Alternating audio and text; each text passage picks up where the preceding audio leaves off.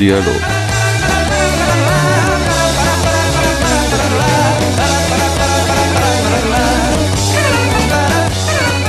Podcast Gledališče in Ludke JSKD. V prvem dialogu smo se pogovarjali z Reno Rajh, tokrat pa gostimo Jeleno Sitr Cvetko. Lutkarica in kamiši bajkarica skupaj s možom Igorjem Cvetkom tvori kreativni dvojec gledališča za pik. Skupaj sta raziskovala in še vedno raziskujeta slovensko ljudsko izročilo in otroške igre, ki jih potem upeljata v minimalistične in izvirne predstave, ki spodbujajo ustvarjalnost otrok. Prav ona dva sta glavna krivca za prihod in razvoj kamišibaja v Slovenijo. Z gostjo prvega dialoga Ireno pa jo ne povezuje samo udeležba na prvih srečanjih mladih slovenskih lutkarjev, ampak sta bili skupaj tudi pobudnici ustanovitve hiše otrok in umetnosti. Jelena sicer cvetko trenutno predava gledališče in lutke na pedagoški fakulteti v Kopru, sodeluje v delovni skupini za uskladitev terminologije na področju gledališke pedagogike, predava na akademiji v Osijeku, in še in še bi lahko naštevali. Več izveste iz pogovora. Letos mineva 50 let od prvega srečanja mladih slovenskih lutkarjev. Tudi sama si se kot otrok udeleževala lutkovnih srečanj. Kakšni so tvoji prvi spomini na delo v lutkovni skupini? Imaš še predtem kakšen spomin vezan na lutke, in če imaš kakšno anegdoto iz srečanja tukaj, lahko uh, navržem eno kost, da je Irena Rajk, s katero smo imeli prejšnji, prejšnji podcast, prejšnji intervju, povedala, kako uh, je bilo kar neko rivalstvo med pionirskim domom in kranjem, in da so vedno planirali kakšno lumparijo drug za drugega. Najprej, ko sem se začela z ljudkom ukvarjati, je bilo, uh, imela sem v uh, četrtem razredu eno precej hudo pljučnico, in sem imela, seveda, strogo ležanje, in babca mi je hodila dajati injekcije penicilina vsak dan, in mama mi je brala knjige, in poslušala sem radio. In v eni od teh vdaj sta bila Pavliha in njegova ženica Marijana, to je bil Nace Simončič z sodelavci. In jaz sem se naučila ta tekst pri enem poslušanju na pamet na kar sem si organizirala lutke, in ker sem bila malo boljša, sem začela to igrati otrokom na dvorišču, ker smo stanovali v pritličju z balkona. Nisem se smela še družiti z njimi, ampak predstave so bile vsak dan. To je bilo v Novi Gorici. In sicer otroci so pa sedeli na stojalu za kolesa. Tako so si spodaj pripeljali pod balkon, in to je bilo prvo gledališče. No, v petem razredu smo se preselili v Ljubljano, In ta prva stvar, ki se je zgodila, je bila okrožnica pionirskega doma, da v Ludkovnem krožku iščejo sodelavce in seveda, uh, evo me tam. Uh, tam je bilo pravzaprav prvo srečanje z Lojzetom Kovačičem in Ludkami in usodno za celo življenje. Prvič, ko se jaz sreča, eh, spomnim teh srečanj, je, bil, uh, je bilo gostovanje v Solčavi, mislim, da je bilo to drugo srečanje Ludkarjev. Spomnim se, da smo spali na travni gori v eni planinski koči in da smo v Solčavi v šoli predstave igrali. Spomnim se tega, da uh, sem igrala mamo v pravljici v Mezinčku in da očka, moj partner v predstavi, je bil uh, Valič Aleš. In on je takrat bil, uh, seveda, veliko starejši od nas in je bila velika čast igrati z njim. Ampak problem je bil v tem, da tega fanta ni bilo do zadnjega trenutka. In se spomnim, kako smo čakali na cesti pred šolo, da se bo ta človek pojavil, ali bomo sploh predstavo igrali ali ne. Drugač pa veste, kako je krasno, če uh, greš z ekipo ljudkarjev uh, čez noč nekam in koliko enih zanimivih, uh, grozljivih zgodb si po noč prepoveduješ in kako je krasno, ko skupaj zajtrkuješ v neki naravi. Skratka, bilo je zelo lepo. Ampak na srečanje ljudkarjev so bili za nas, ko smo bili otroci, vedno ena priložnost za gostovanje in s tem povezan zelo dober žur. Uh, bilo, je, bilo je to ena motivacija ne, za delo, uh, ko smo tudi uh, predstave pripravljali.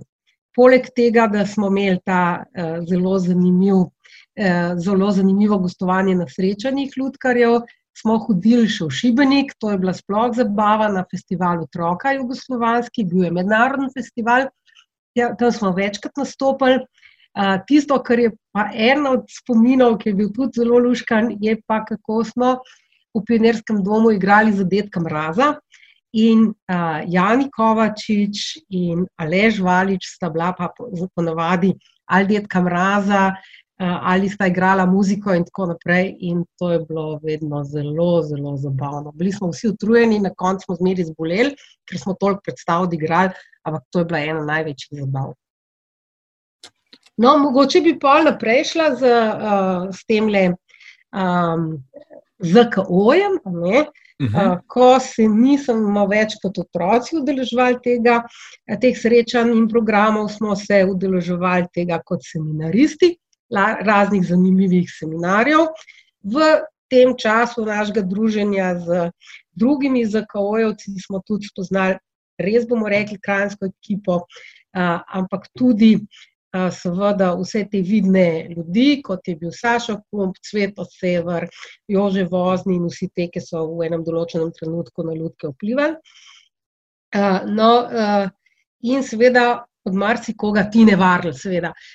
Od marsikoga smo potem se kar nekaj naučili na teh seminarjih, dokler nismo z našim delom naprej in jaz sem šla potem na akademijo, ne, uh, dokler nismo postali mentori sami. Ne.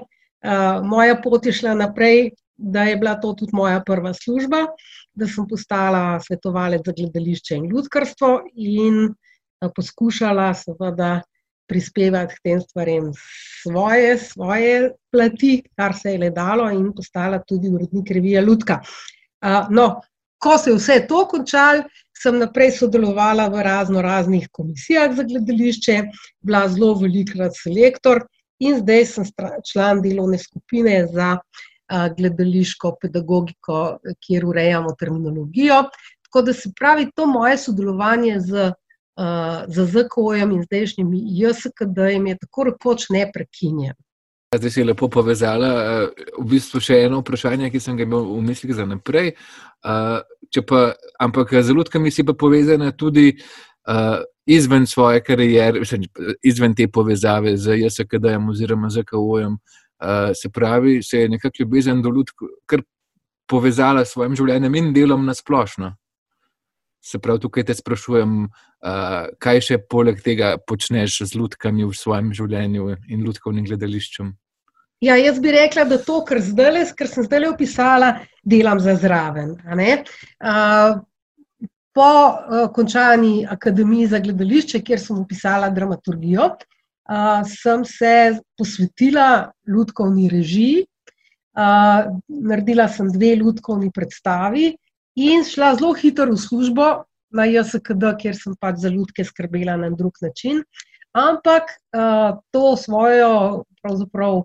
Eh, režijsko poslanstvo ali pa veselje ali pa kot poklic, sem v bistvu do danes počela, še danes počnem ne, in mislim, da zdaj le okrog 60 predstav profesionalnih lahko naštejem v Sloveniji in nekaj malega mednarodno. Ne, uh, in pravzaprav bi rekla, da je to kar en zanimiv opus, če nazaj pogledam.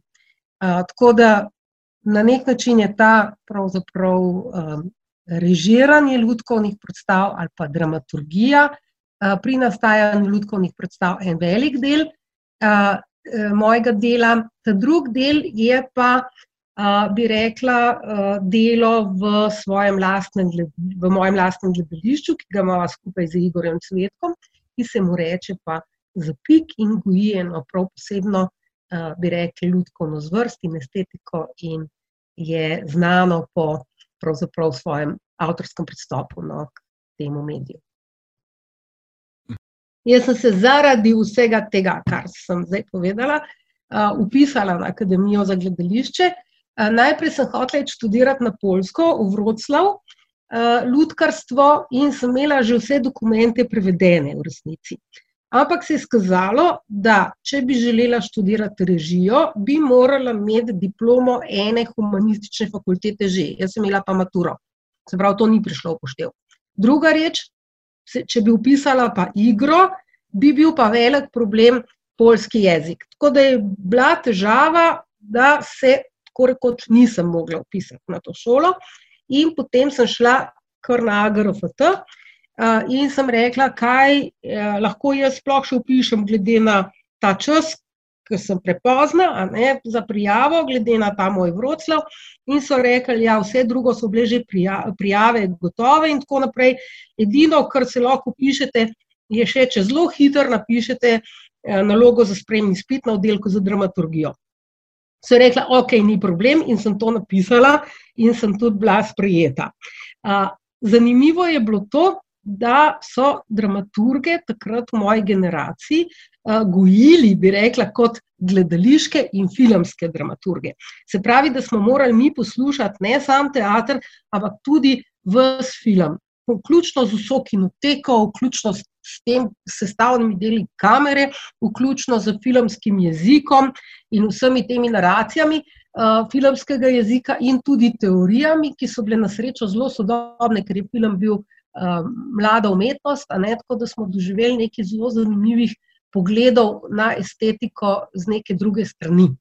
Um, to, da se je združil gledališče, da se je združil študij filma in gledališča, eh, je bil za me sprva en tak pač obvezen eh, del šolanja, ampak se je izkazalo, da je za ljudkovnega režiserja znanje filma silno, silno dobra dota, tudi poznavanje filmskega jezika, in mi je to zelo prav prišlo naprej, še zlasti pa zdaj, oziroma tudi zdaj, ko delam s Kamiši Bajem.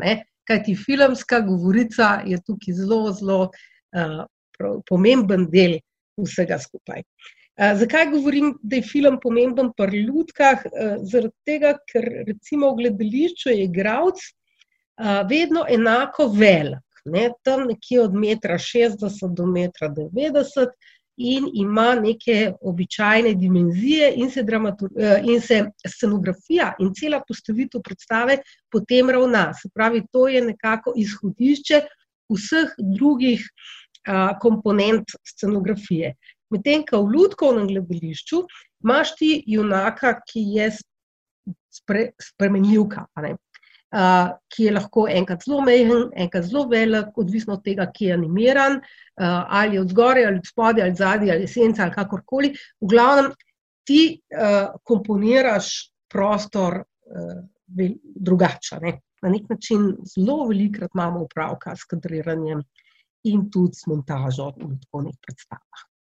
Bi kaj povedala o začetkih hiše otrok in umetnosti? Ker sem končala akademijo in se nekako a, začela ukvarjati z gledališčem bolj resno in režirati, a, se mi je zgodilo to, da sem ugotovila v enem trenutku, da so nas na akademiji zelo dobro izobrazili o tem, kaj se dogaja na odru, kaj se mora dogajati na odru. O tem smo zelo veliko vedeli, skoraj nič pa nismo vedeli o tem, kaj se dogaja v dvorani. Glede na to, da je predstava sestavljena iz tega, kaj se dogaja na odru, in iz tega, kaj se dogaja na odru, smo pravzaprav vedeli samo, recimo, temu pol. Uh, meni se je zgodilo to, da sem uh, zrežirala Ostrška, to, temu smo rekli lesena zgodba, uh, ki je bila ena taka, bi rekla, izjava uh, človeka, ki ima 24 let uh, in sicer da je ni posebej dobro, če iz tebe delajo nekaj drugega, kot si, da želijo, da ne ljudke, da postane a, fantek, človek, priden učenec, ampak ne, zakaj ne bi nekdo ostal. Pravzaprav ljudka in se kot tak razvijal. Ne? Jasno, da pri 23 letih tako tezo postaviš, oziroma 24. No, jaz sem to predstavo naredila zelo smelo v gledališču v Mariboru, ljudsko na gledališču in za njo dobila sedem sekretarjev skoja. Wow, takrat je dolgo to debeljak, pa ne vem, buldožeri, pa tako naprej. Bila je strašna, prestižna zvezdna nagrada in vse je bilo krasno. In en dan mi kolegica reče: Veš, to je krasna predstava, ampak otroci jo ne gledajo. Zakaj jaz delam predstavo za otroke, ki jo otroci ne gledajo. Kvrak bo vse nagrade, nekaj narobe. In se je rekla, seveda, zato ker jaz o otrokih nič ne vem. A, takrat je bil uh, študijo v Ludkovnem gledališču, rekel se je študijo, uh, kjer so imeli tako vzgojni program, kjer smo delali z otroki delavnice, se z njimi družili in potem skupaj tudi gledali predstave, ki so bile na repertoarju Ludkovnega gledališča in te predstave komentirali in skupaj doživljali in tako naprej. Se pravi, tukaj je šlo za eno prvo, uh, bi rekli, srečanje z gledališko pedagogijo moje. Ampak iz zelo sebičnih razlogov.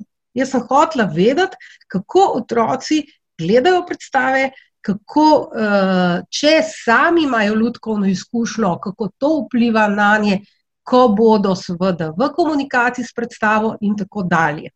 Uh, zelo sem bila ponosna na svoje ljudkare enkrat, ko smo šli na predstavo skupaj s klubom, in je hostesa rekla, da se morajo lepo obnašati, da ne smejo govoriti, in tako naprej. Na kar je ena od deklic pogledala njo zelo, zelo v oči, direktno in rekla: A ti veš, da smo mi klub. Ne? Se pravi, da mi, seveda, gledališče razumemo. A, tako da jaz sem dubla, seveda, veselje, vero, videla sem smisel, Hkrati sem pa pri tem delu vse čas preverjala sebe kot ustvarjalca. Kaj ti ugotovila sem, da je uh, otroški ustvarjalni proces, ne, pa ustvarjalni proces umetnika, da imata nekatere skupne točke. In to je bilo tisto, kar je mene zanimalo uh, naprej raziskovati. Uh, najbolj zanimivo je bilo to, da je bilo ključno, da zmeri vsi postavimo pametno in dobro vprašanje.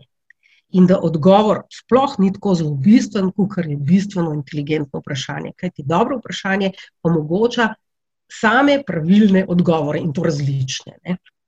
Pogoj za to je pa seveda, da si iskren, avtentičen, da iščeš neko svoj izraz in tako naprej. To se je dogajalo tako pri otrokih, kot pri meni, ko sem delala. Ne? Tako da smo na nek način drug drugega malo preverjali in od takrat naprej se jaz z gledališko pedagogiko vse čas ukvarjam. Delala z otroki ne vem koliko delavnic, ne vem koliko seminarjev z njihovimi učitelji in tako naprej. In seveda korak do hiše otrok in umetnosti je bil tukaj mehen. Z Ireno Rajh sva Eh, obe nekako imeli to izkušnjo gledališke pedagogike, Irena v Pionirskem domu, jaz pa v Ljudkovnem gledališču in potem še drugot. Eh, in sva rekli, da je vam ide ustanoviti hišo otrok in umetnosti. Našli sva prostor, prvi prostor sem jaz vohala pri Frančiškanih na Nazorjevi, to čist ob akademiji. In smo začeli na tem, prostoru, na tem prostoru delati. Povabili smo takoj Igorja Svetka in Marjana Kunavrja, ki sta bila takrat oba najna partnerja. In smo rekli, mi dve si bomo prvo šli en zelo drag hobi. Ali mi dve to smeva narediti, in ali boste vi dve pri tem sodelovali, glede na to, da sta bila oba ljudkarja. No, in a, ko je bilo to v redu, se je začelo delo na hiši otrok in umetnosti, ki je bila takrat daleč od tega, da bi bila produkcijski center.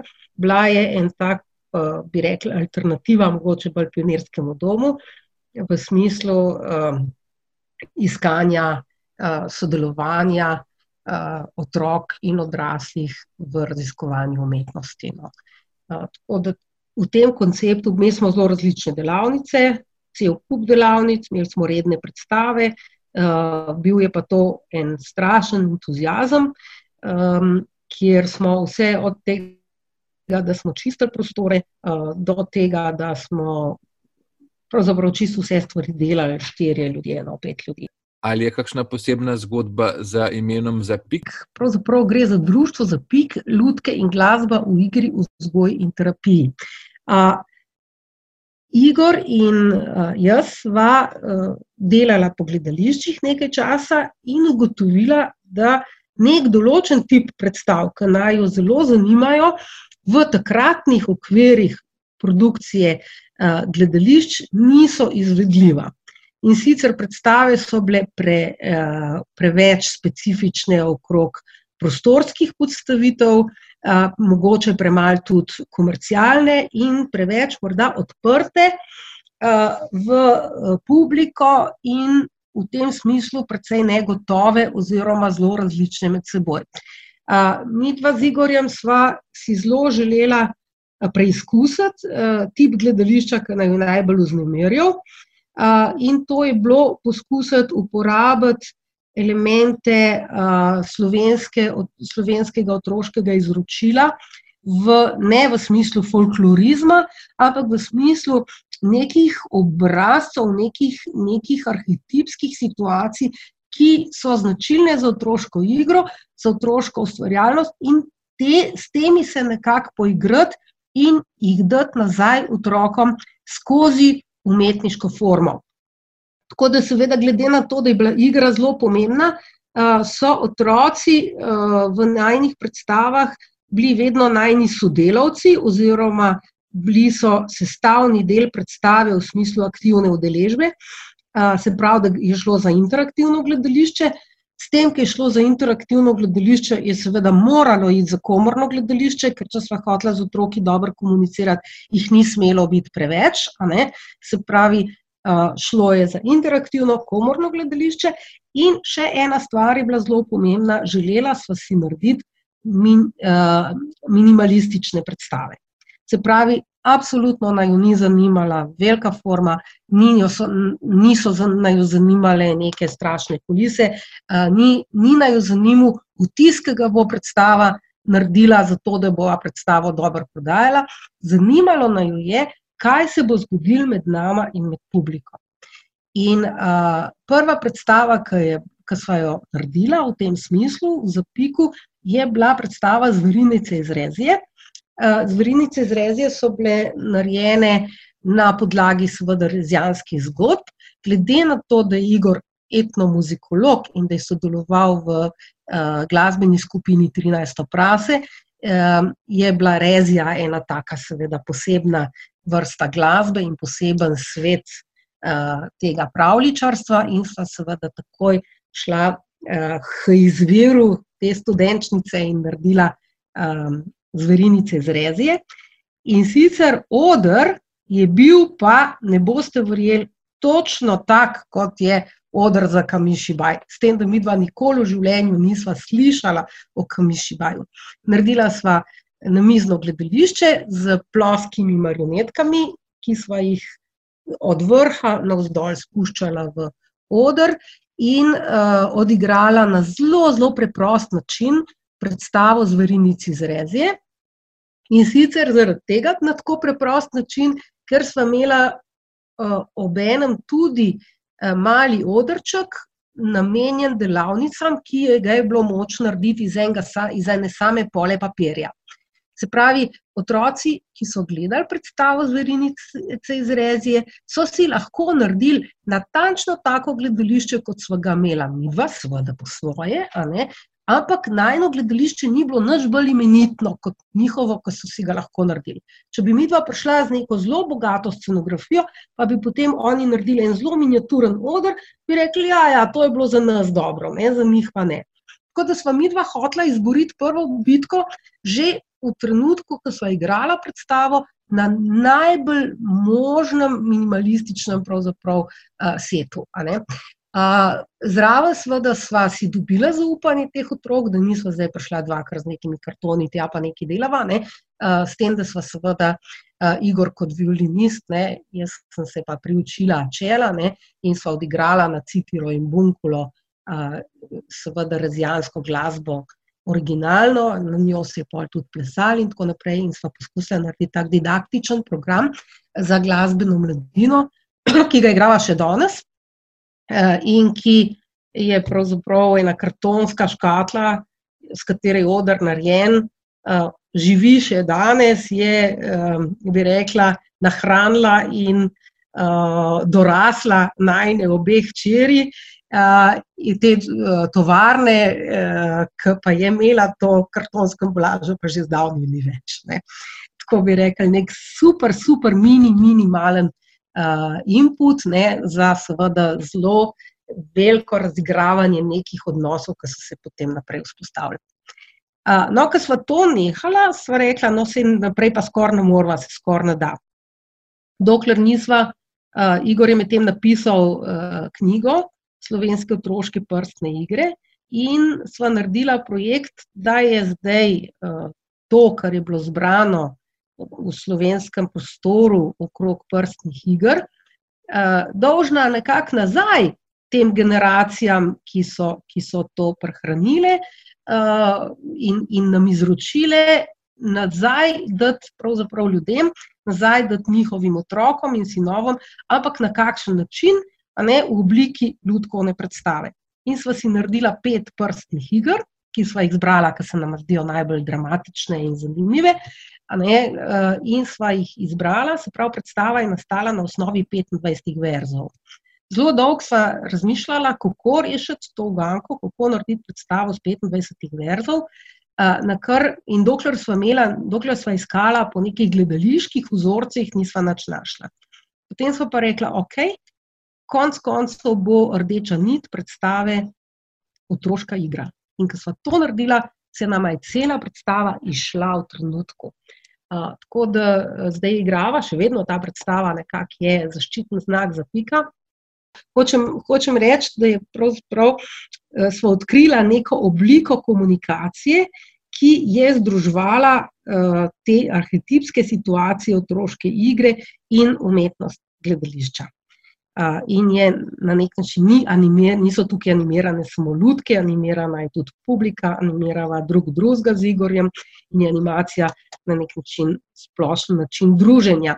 Ta predstava je povzročila en, en, en ciklus najnega dela in sicer ciklus povezan s prstnimi, s prstnimi ljudkami.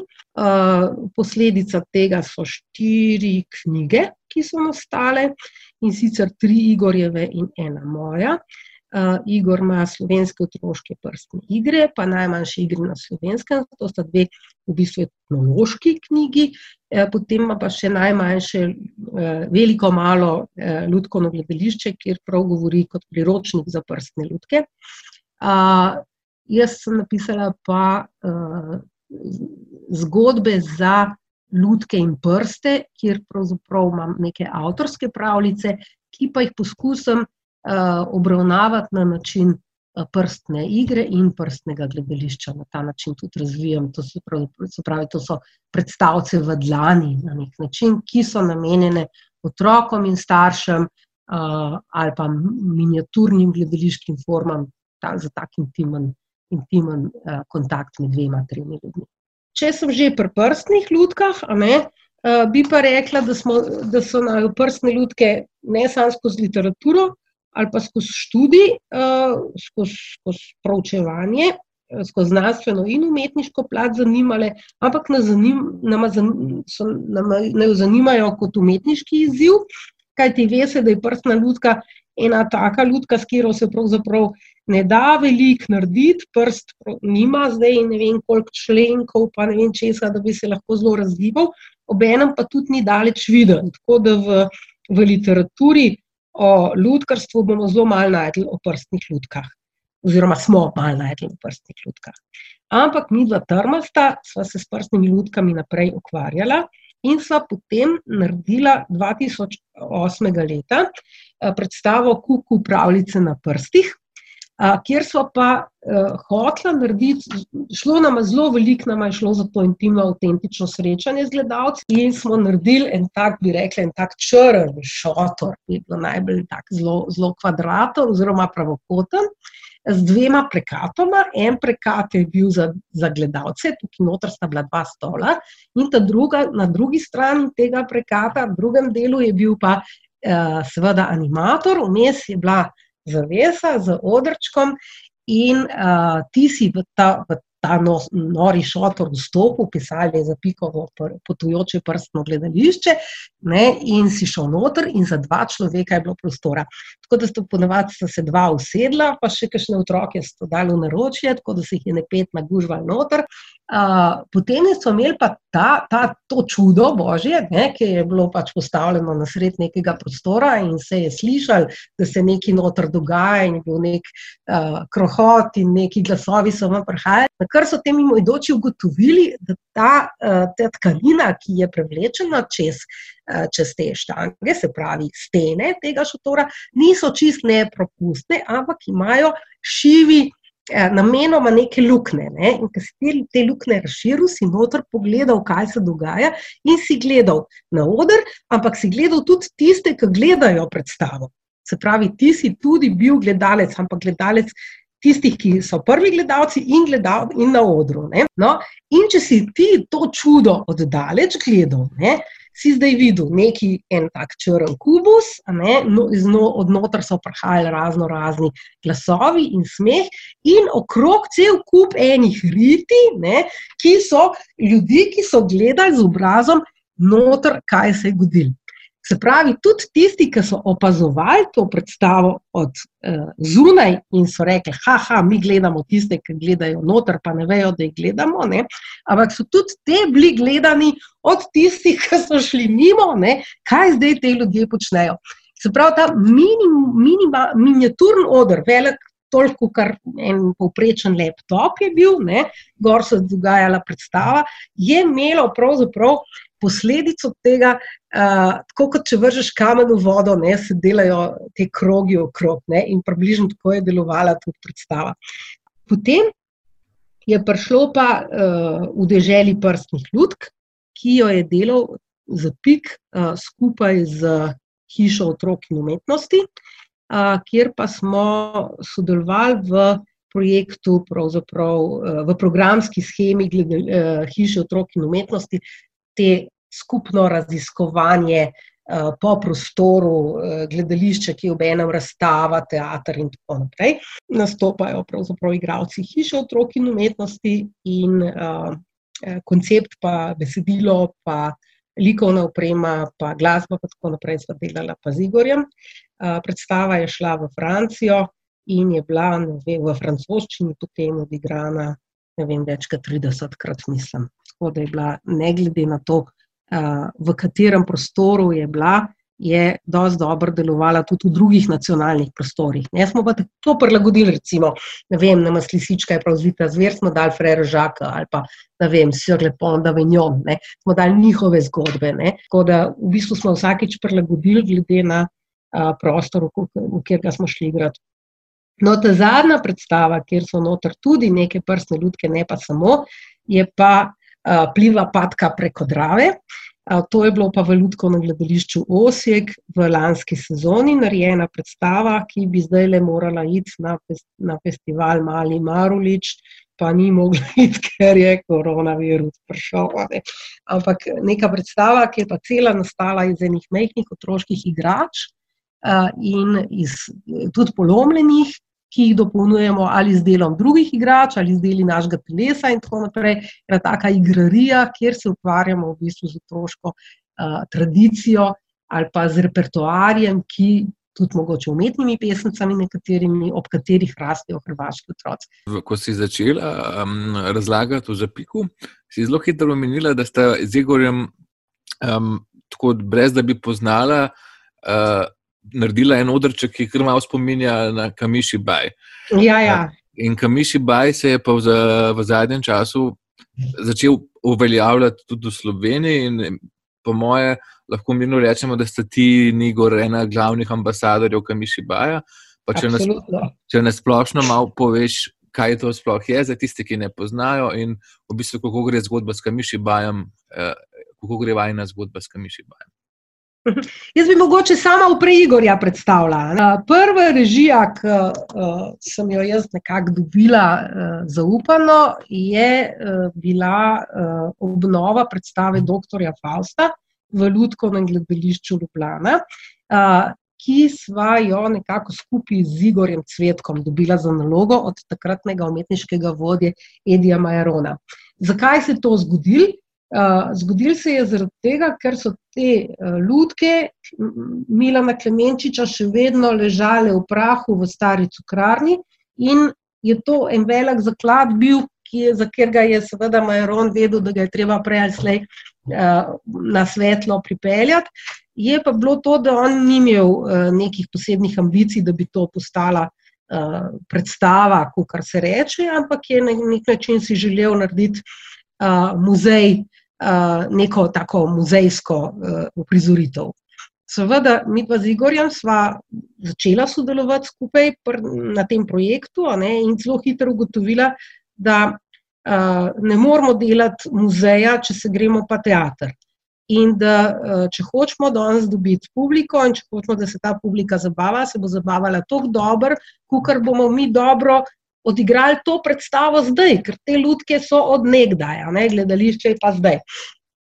Se pravi, da smo res uh, poskušali z velikim spoštovanjem do tradicije in do Klemenčiča, še zdaj ga zelo spoštujemo, vsak, vsak 1. november ima svečko požgeva, pa najbrž ni veliko ljudkarjev, ki to delajo. No, uh, sva uh, začela to, na tej predstavi zelo resno delati in iz dve ure pa pol trajajoče predstave, ratala 50 minutna predstava, predstava, ki je bila, uh, ki, ki, ki, ki je uspela kot predstava. Tako da uh, ravno kar uh, me Aida Ros vabi, da se spet vržem v pajaca in olje in mehanično grem to pred, uh, spet tega starodobnika zrihtati s šesto uh, zasedbo. Prva zasedba 82. leta, uh, seveda uh, bi bila danes zelo zdesetkana. Verte bo tu ni več, ne.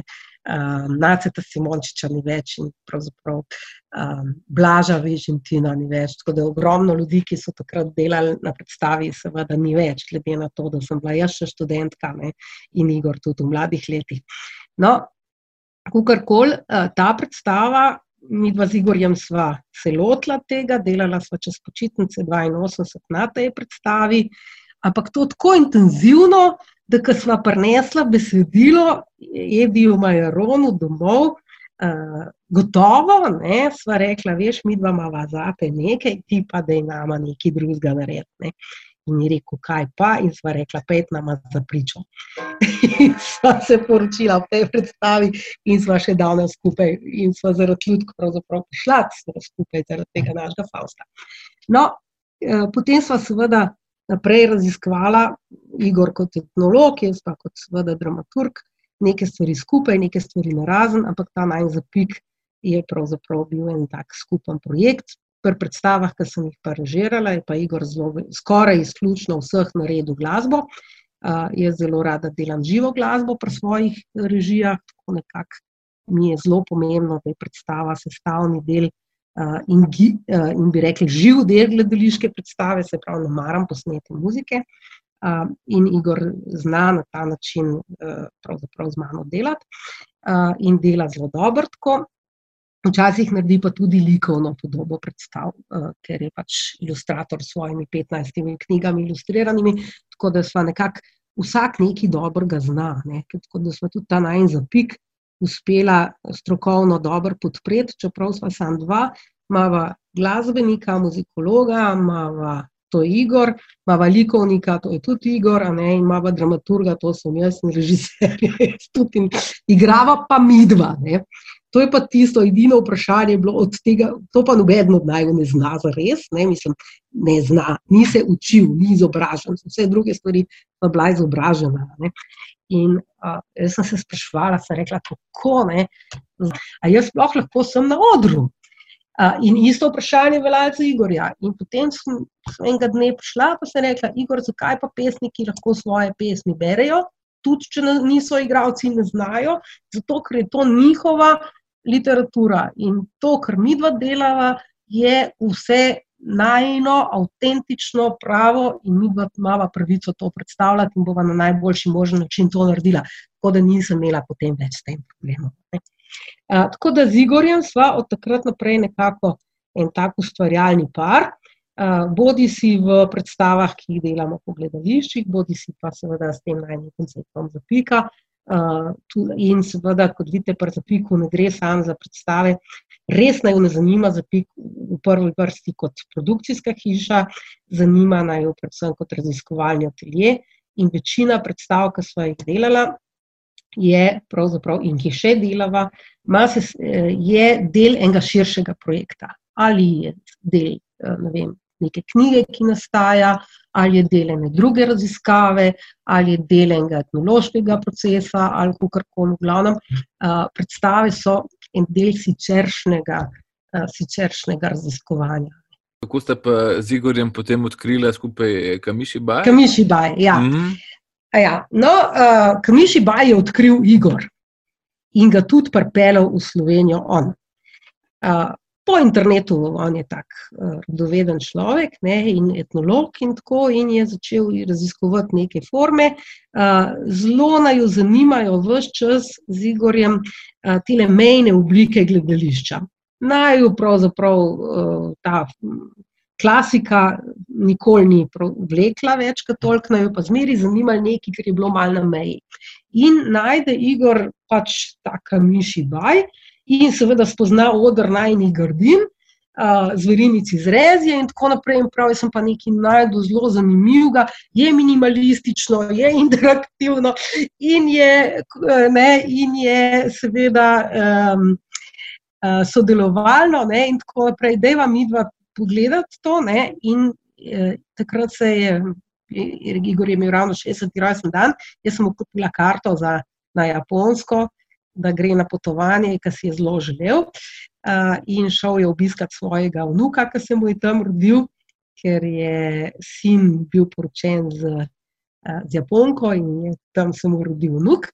Uh, hkrati je šel pa pogledat za Kamiši Baj.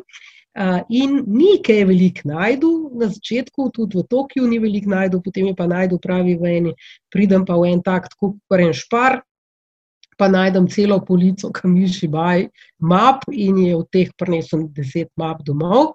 Uh, potem smo takrat smo še delali skupaj v hiši otrok in umetnosti, vsi skupaj, in uh, smo predlagali, da bi naredili v, v okviru festivala Pravljice danes, um, kamiši baj večer oziroma popovdne. In smo kar vzeli neke tiste mapce Igorjeve, uh, japonske in on je uh, neki, Irena si je nekaj prevezdala, pa um, Igor je si nekaj dal prevest, jaz nisem imela prevoda, pa sem si kar zmislila, kaj bi lahko pomenile te zgodbe, uh, celo dve sem dala skupaj. Uh, Marjan je imel tudi nekaj prevedenega, mislim, ponavrjev, pa uh, Anže Virant je pa pokazal mojco po kreculjo po nekih uh, po nekih ilustracijah. V glavnem, to je bilo tako malo za hec. Ampak publika se je strašno odzvala, takrat dobro, in mi smo videli, kako je zelo dobro to delovalo, in smo rekli, če pa tako, bomo pa mi se s tem bolj resno začeli ukvarjati. Uh, seveda pa ne bomo tega delali s kupljenimi kamišibaji, kako bi izgledali, če bi mi ljudkari prišli kar z kupljenimi ljudkami od Jožeta Zajca pa igrali predstavo, to ne gre, bomo mi začeli gojiti seveda svoje avtorske predstave. In tako smo pravzaprav uh, se zgodili, da v Sloveniji gojimo tako imenovan tezokuri kamišibaj, to se pravi kamišibaj, ki uh, je avtorski kamišibaj. Ne, ne recimo na japonskem prevladuje, pa v marsikiri evropski državi, prevladujejo kamiši vaj, pa tudi v Ameriki, ki so že narejeni, ne, tako kot slikanica, in ti to lahko kupiš, in potem te postane to, da zelo dobro to zinterpretiraš. Ne. Se pravi, v bistvu na nek način kot ena polstvarjalna umetnost. Ne. Tako gojijo, recimo, eh, recimo znotraj IK, je to International Kamishi Bai uh, Association Japan, ne, uh, recimo to. Ne. Uh, nas pa to ni absolutno zanimalo, ampak smo rekli, da imamo delati, da imamo ta ustvarjalen potencial uh, izkoristiti in poskusimo delati. Uh, Te zokuri, se pravi, avtorske kamišibaje, in še danes to, seveda, v Sloveniji prevladuje. Tako da vsi festivali, ki se zdaj dogajajo, in izobraževanja, in priročniki, in vse te stvari, grejo v to smer, te z okurikami živaja. Se pravi, gre za vendarle eno tako avtorsko gledališče, ki je zelo blizu uh, konceptom, ki jih je Zapik vedno, nekako razvijal, ne?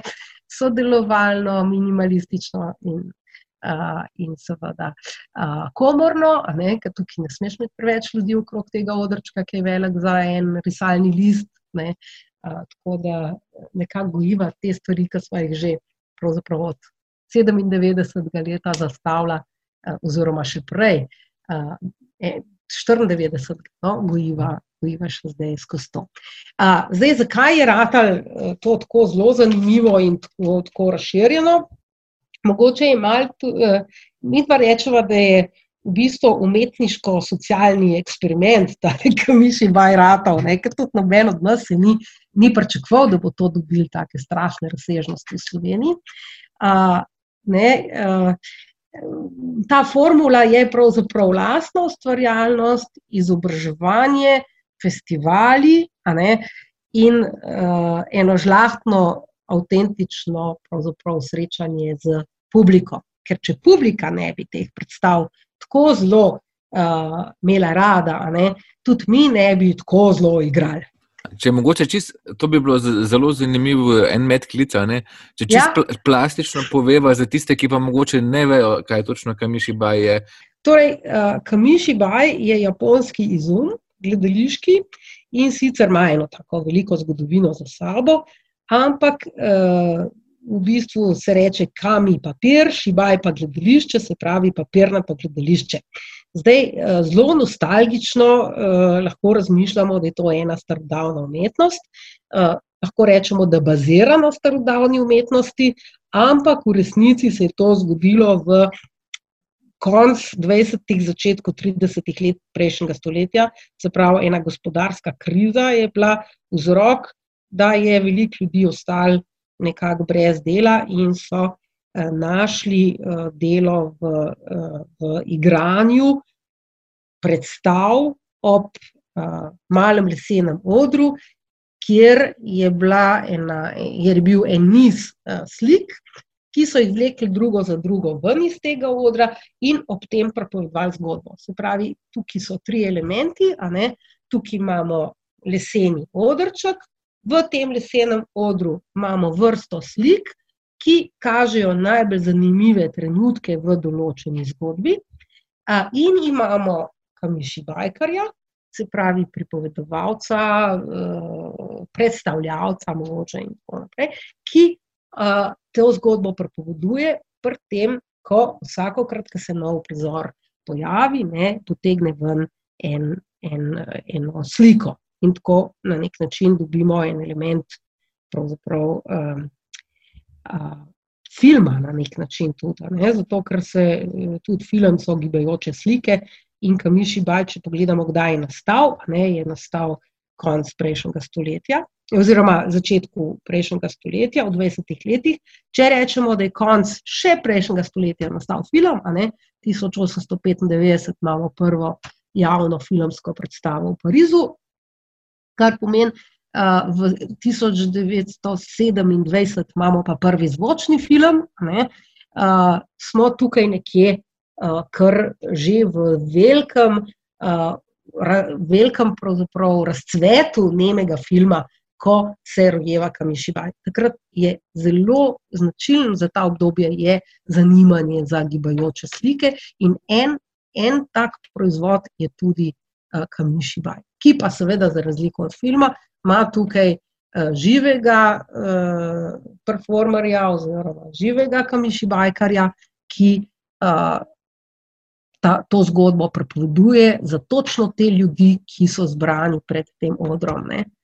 To je nekaj, kar je mogoče uh, tudi eno od uh, zelo, uh, bi rekli, eno od, od orožij, ki jih ima Kamišibaj danes, kaj ti ljudje se družijo pred ene druge vrste ekrani, le zdaj se tudi mi. Ne, a, ampak um, ob teh ekranih je pa pri Kamiši Baju nekdo, ki je prav za njih tam in prav njim pripoveduje točno to zgodbo in nam zdi, da bi nas tak ekran od drugih oddaljil.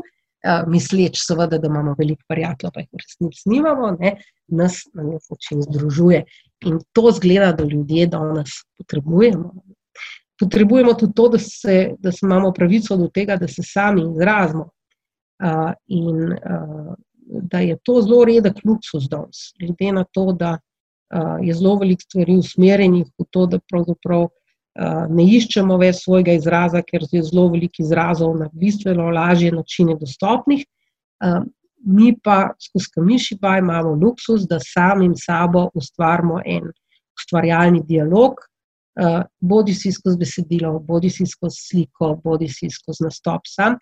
In seveda, potem, ko smo pripravljeni, ko smo že toliko vložili v to sami, recimo ure sedenja.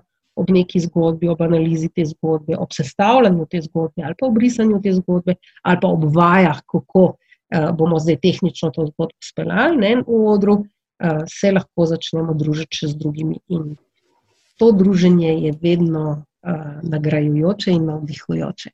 Tako za občinstvo. Uh, občinstvo čuti, da je to za njih. Je zelo zanimivo, po, po recimo predstavah festival, na festivalu Kamišibaja pridejo ljudje iz občinstva, se čutijo nagovorjene, pridejo do tebe in, reče, in se pogovarjajo naprej o problematiki, ki si jo ti izpostavil na predstavi. Recimo. Eh, to se v, v, to se v gledališču ne zgodi, ne? da pristopi do tebe in reče: Jaz pa o tem mislim tako, pa tako.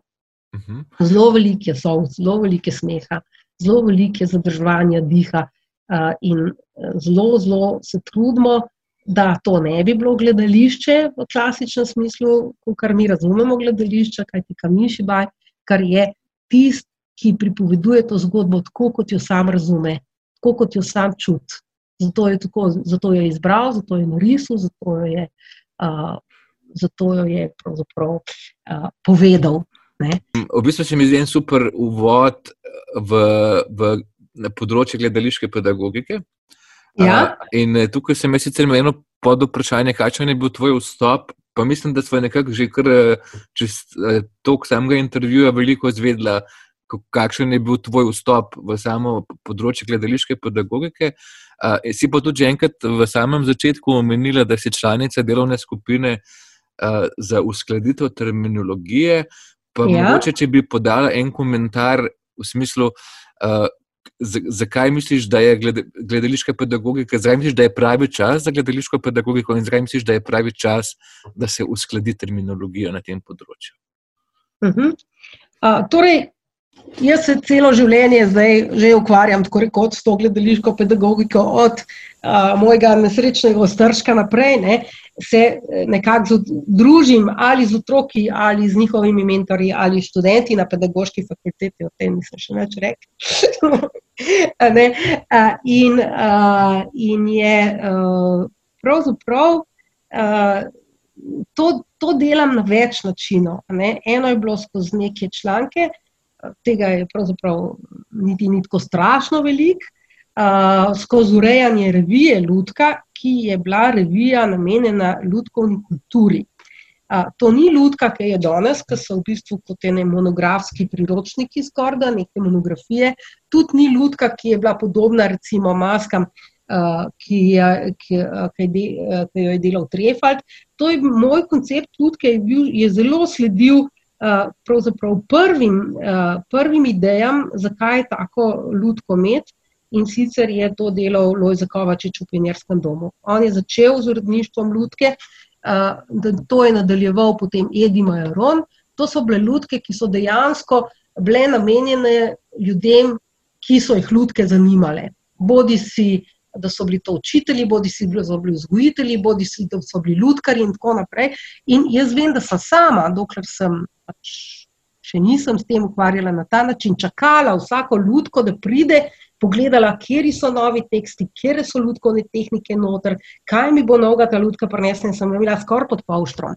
Tako da sem bila zelo, zelo srečna, ko se je uh, revija, uh, ko sem jo lahko deset let vodila oziroma urednikovala. Moram pa reči, da smo z Igorjem pol, vsaj polovico sama napisala, tako kot tudi Kovačič, tako kot Majaron na nek način, ker ni bilo prav veliko člankov na voljo. A, pa nekaj smo danes vi, tako kot je bila takrat ta revija zastavljena, vi po mojem danes jeste predvsej kazni plačala a, avtorski agenciji, ker mi smo te članke, ki so bili zelo zanimivi in so bili up to date, ne, kar lepo prevedli in jih objavili, ne, ne da bi koga vprašali. Groza. danes to ni bilo, okay. mislim, da danes bi s tem ne prišli več. Uh, jaz sem v tistem času začela sodelovati tudi z Mostarskim centrom uh, za gledališko pedagogiko.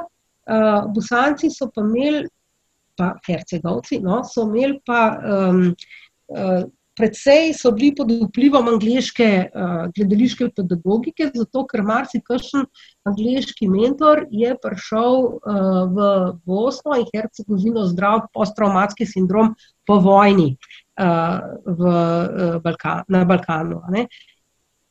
Uh, no, ta uh, Mostarci so delali vsake leto tudi festival in vse sorte in alternativno akademijo in tam se je zelo zanimivo znanje tudi pretakalo. In največ, kar sem jaz pravzaprav se direktno naučila od Angležev, sem se naučila tam. Tako da gledališka pedagogika je nekaj bilo, kar jaz nisem pravzaprav nikoli tega formalizirala, ampak vse čas počela.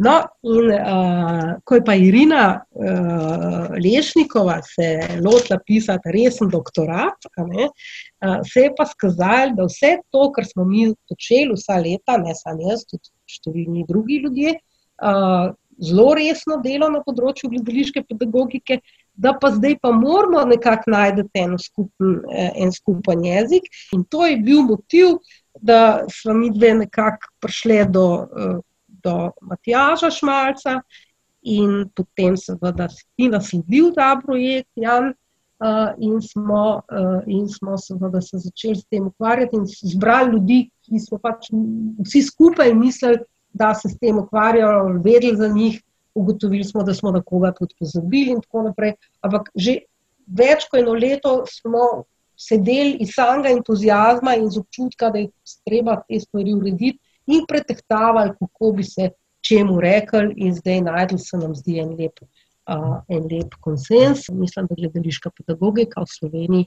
je prav, da si zasluži uh, v bistvu svoj strokovni kontekst in mislim, da je to baza. Za tebe imam pripravljeno še eno vprašanje. In sicer, kako Jelena sicer preživlja karanteno? Glede na to, da smo uvodoma omenili, da predavaš na pedagoški fakulteti v Kopru, me zanima, kako poteka študij nadaljavo. Zanimajo pa nas tudi druge stvari, ki jih počneš v karanteni.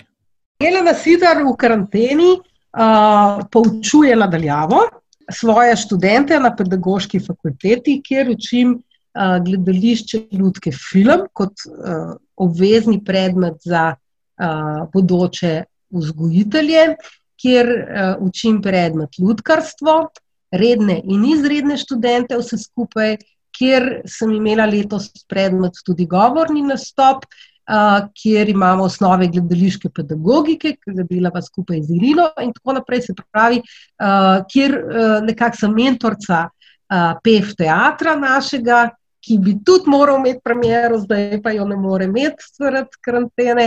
V glavnem, uh, inicijatorka tega, da imamo vse tri pedagoške fakultete vsako leto. Uh, pef, Ludkovni PFS in se dobimo vsako leto, druge leto, bi se morali, bi morala jaz, gospod, v Kopru. Uh, skupaj smo se pa to nekako uh, spomnili z Sabino Šinkovo iz Maribora in to bi bilo zdaj že sedmič. Tako da delamo vse sorte. Jaz sem zelo vesela, da na pedagoški fakulteti lahko delam, zato ker se mi zdi, da, da lahko govorim o stvarih, ki jih imam rada, ki se mi zdijo pomembne v življenju, ki bo lahko pomembno pomagale tudi ljudem, ki bodo z otroki naprej delali in da me zraven še en plača. To mi je krasno. Ampak vendarle mislim, da, da tako kot je ena moja študentka rekla, profesorica Vime, Eh, predavate s prozornic, ampak in srca. Ne. Upam, da bo to še naprej tako. Uh, in uh, mislim, da se imam, imamo študenti drug z drugim zelo lepo, in upam, da bo to trajalo še tudi po karanteni. Uh, da, zdaj mi je pa izziv, ne, k, če meni nekdo reče, da se nekaj ne da, ne, pa bom jaz to sigurno provala. Uh, in uh, seveda, gledališča se ne da delati po internetu. Ne, Uh, jaz pa vseeno delam predavanja po Zumu nadaljavo, celo v Belgijo svojim uh, študentkam, ki so bile kot Erasmus izmenjava, pri nas so upisali ta predmet ljudkarstvo in zdaj ga morajo končati in ga bojo končali v Belgiji. In jaz se lepo, seveda, po Zumu sprehodim v Belgijo in imam predavanje tudi tam. Tako da delamo to. Uh, drugač pa tisto, kar moramo na vajah narediti, ko moramo narediti cel kup ljudk, pa prizore, pa tako naprej, uh, mi pa pošiljajo, jaz pošljem temeljita navodila in tako naprej. In potem ne taka, da bi lahko delali po vzorcu, ampak taka, da se morajo sami jih na svoj način prebrati. In imam cel računalnik, poln nekih ljudk zdaj, poln nekih ocen. Uh, filmov, kinotečnih, kar morajo tudi moji študenti zdaj narediti, morajo pogledati iz uh, 25 filmov, najboljših vseh časov, po mnenju kritike, enega in enega iz slovenske filmske zgodovine, in morajo napisati oceno. Uh, to in še seminarsko dolgo moram pisati iz tistega, uh, o tistem, kar imajo na področju filma, gledališča in ljudk, kar se jim zdi najbolj zanimivo in to poglobijo. Tako da uh, od vsakega študenta, ki jih imam trenutno 60, zelo v obdelavi, mo, dobim tako nekako po pet fajlov. In mislim, da upam, da bo moj računalnik, ki ni, ne vem, kako uh, krik najnovejše mode, zdržal tole karanteno. Drugač pa gojim tudi solato na oknu. Uh, imam dve, dve koriti za rože in imam noter nasajene vrtne rastline. Včeraj smo z Igorjem prvič jedla na eno prvo žetev, uh, zeleno solato.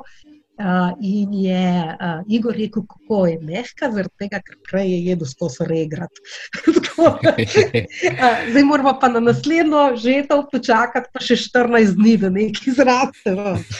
Uh, to, um, sicer pa uh, sem imela zelo veliko idej, kaj bom vse napisala in kaj bom vse uh, naredila. Uh, pa se mi zdi, da sem se tako s tem učenjem nadaljavo zelo zamotila in da delam veliko več, kot bi delala, če bi res imela predavanja. Zato, ker moram vsakim študentom posebej delati, hočem mu dati feedback na to, kar je naredil, mislim, da sem mu to dolžna in to hočem narediti dobro. Tako da na nek način imam kar, kar, kar zabavno, sem skozi na fakulteti, pravzaprav tudi zdaj. Super. Um, Mogoče zdaj pa tebe vprašam, bi povedala še kaj o, um, o tvojem sodelovanju v, v, z akademijo v Osijeku? Torej, z akademijo v Osijeku so me povabili že par let nazaj, najprej uh, predavati o ljudkovni terapiji, uh, ker uh, jaz sem se ukvarjala določeno obdobje veliko za ljudkovno terapijo, študirala psihoterapijo na uh, medicinski fakulteti in skupaj z dr. Zlatkom Basešičem v Zagrebu delala tudi precej nekih evropskih zanimivih projektov na področju uh, povezave med uh, ljudkami in med terapijo. Uh, tako da to prvo srečanje z Osijekom je bila uh, ta ljudkovna terapija. Uh, potem so me pa naprej povabili eno leto na magistrski študij In sicer uh, tam imajo navado, da eh, prvi letnik magisterija povabijo nekoga, ki je drugačen od profesorjev, ki so, ki so jih do zdaj učili, tako da študenti dobijo eno drugačno izkušnjo. In smo delali Štruvel Petra uh, kot ene vrste sejem, uh, sejemsko predstavo z nekimi lučkami, sladkorno peno in ne vem čem vsem. Uh, tak sprehod skozi skoz, skoz zgodbe, ki, ki so tam napisane. No, e, v letošnjem letu imam pa čast, res si štejem v čast, da sem e, botrca pri e, prvem letniku študija gledališke režije. Osijek ima šolo za igralce, gledališ, ljudkovne in gledališke, on pri njih je to skupaj študiralo, so še. Um, zdaj so pa v bistvu prvi letnik režiserjev pisali. To je magistrski študij uh, in uh, vodi ga uh, Tamara Kočinovič. Ona je nekako mama tega letnika, potem so pa še dve sodelavki, ki pomagata zraven, oziroma ki sodelujeta uh, in sicer uh, Ljudmila iz, uh, iz Petrograda in pa jaz iz Ljubljana. Tako da smo čist mednarodna ekipa. Jaz imam tukaj čez, uh, predvsem uh, dramaturško delo, Uh, in sicer to, kar mora režiser dramaturškega posla opraviti. Ne zdaj delo za dramaturga, ampak delo, dram, dramaturško delo na v bistvu režijskem delu predstave. Sem zraven zelo aktivno vključena tudi v njihove produkcije, ki fizično delajo, se pravi nastajanje predstav, ki, ki se dogajajo. Ne.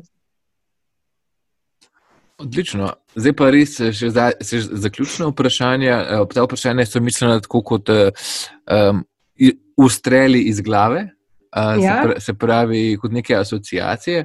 In sicer podcast bo naslovljen dialog. In prvo vprašanje je pač povezano z naslovom, kaj tebi pomeni dialog. Se pravi, če ustreliš iz glave dialog. Teater. Teater. Dobro. Potem zadnja. Nekaj brez česar teater ni možen. Potem zadnja predstava, ki si jo z užitkom pogledala. Ja, bom rekla Tjulen, v Ludko na gledališču Ljubljana. Uh mhm. -huh. Najljubša predstava vseh časov? Uh, Herman. Uh, Ludkovna predstava Herman v interpretaciji in avtorski, v avtorstvu ena podela uh, iz Nemčije. In uh, še enkrat super, hvala, ker si si vzela čas. Je pa zadnje vprašanje, pa kaj, bo, kaj bo prva stvar, ki jo boš naredila po karanteni? Prva stvar po karanteni. Um, uh, mislim, da se bom odpeljala v Koper in z velikim veseljem srečala z ljudmi, ki so tam. Uh, da ne govorimo, da pa seveda najprej pošlja pa k svojim staršem in vse svoje ljudi, ki jih zdaj ne morem videti obiskati. Se pravi, uh, rad, naj, pravzaprav bom rekla tako: šla bom k staršem, k otrokom, vnukom in v Koper. Jelena, še enkrat hvala. No. Uh, pa že... Nisi me vprašal za knjigo. ne, ja, ne, to sem ti dal samo kot primer, da boš videla, kakšne ja, kakšne so. Lahko ti rečem, sem razmislila. Ano, kakšne, no še povej, pa, pa še kaj najljubše. Ja, da sem v zadnjem času, prav zaradi dela na zadnji knjigi, na novo odkrila Lojza Takovočiča z zgodbami mesta Ričrač, zgodbe iz mesta Ričrač. Drugač pa, če moram eno knjigo vzeti na samotni otok, bom vzela medveda poja. A, no. Pa zaključva s tem. Ja. Zdaj smo, ker smo tako vsi trenutno na samotnih, samotnih otokih. Na samotnih ja. otokih, upam, da imaš to knjigo s sabo. Tak, to knjigo imam v več izvodih, v več variantah. Upam, da ste tudi ostali primerno opremljeni za svoj samotni otok, Naslednji dialog prinaša pogovor z Irino Lešnik o gledališki pedagogiki.